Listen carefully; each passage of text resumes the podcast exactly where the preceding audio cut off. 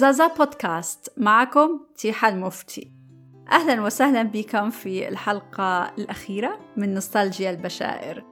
آه، طوال سلسلة الحلقات السابقة قرينا أعداد سنة 1954 ولكن عدد 27 ديسمبر 1954 لم تصدر فيها البشائر.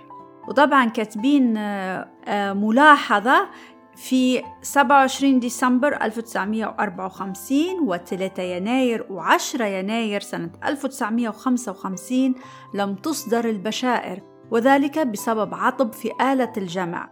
ولم نتوفق في إصدارها بالجمع اليدوي نظرا لقلة عدد العمال.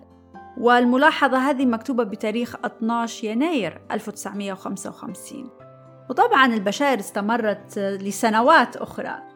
وخلال هالأعداد اللي فاتن كلهن والأخبار سواء كانت آه، اجتماعية سياسية اقتصادية أو حتى عالمية تعرفنا على تاريخ ليبيا اللي حرمنا من دراسته في المدارس. خلال نوستالجيا البشائر إحنا ركزنا على حقبة الخمسينيات يعني اللي هي تعتبر فترة انفتاح وتفاؤل وحرية رأي بالنسبة لليبيا. أه تعرفنا على شخصيات أنا بروحي فوجئت بيها من أبرزها يعني هو السيد علي خليفة الزيدي مؤسس الكشافة الليبية. عرفنا جانب آخر منه إنه هو رئيس الجالية الليبية في لبنان وأحد الأركان المؤسسين للحركة الكشفية اللبنانية ومثلها رسميا في عدة مؤتمرات عالمية. برضو ما ننسوش أن تم تقليده من قبل الدكتور نجيب صدقة مدير التربية العام بوسام الاستحقاق اللبناني المذهب. طبعا الوسام هذا من الأوسمة الرفيعة جدا آه، في لبنان.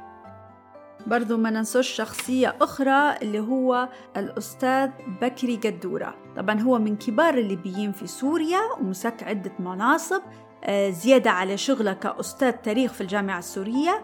آه، تقلد مدير دار المعلمين بدمشق وبرضو آه، رئيس نادي عمر المختار في دمشق ورئيس هيئة الكشاف السوري. ورئيس طبعا الجامعة الليبية عند تأسيسها.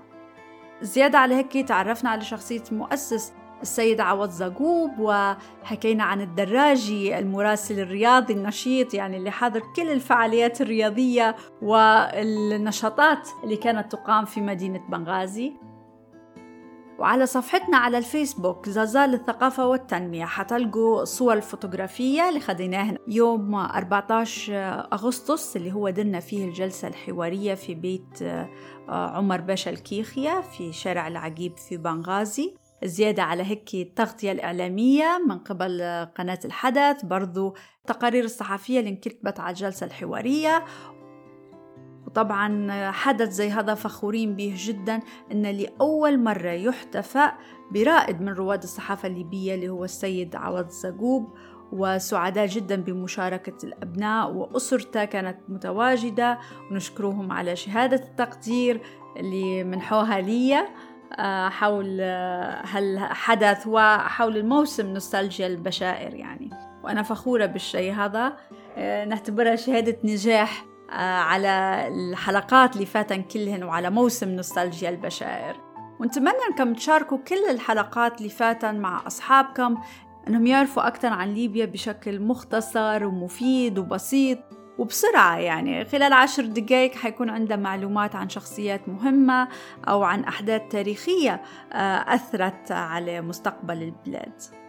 وطبعا بإذن الله قناة الوسط WTV حتبث اليوم الجلسة الحوارية بعد نشرة الأخبار يعني على الساعة 11 آه، ليلا. والإعادة حتكون تاني يوم اللي هي يوم الأحد بكرة. قناة الوسط آه، حتلقوا التردد متاعها على النايل سات اللي هو في موقعهم أو تقدروا تتفرجوا عليها مباشرة في live stream من الموقع.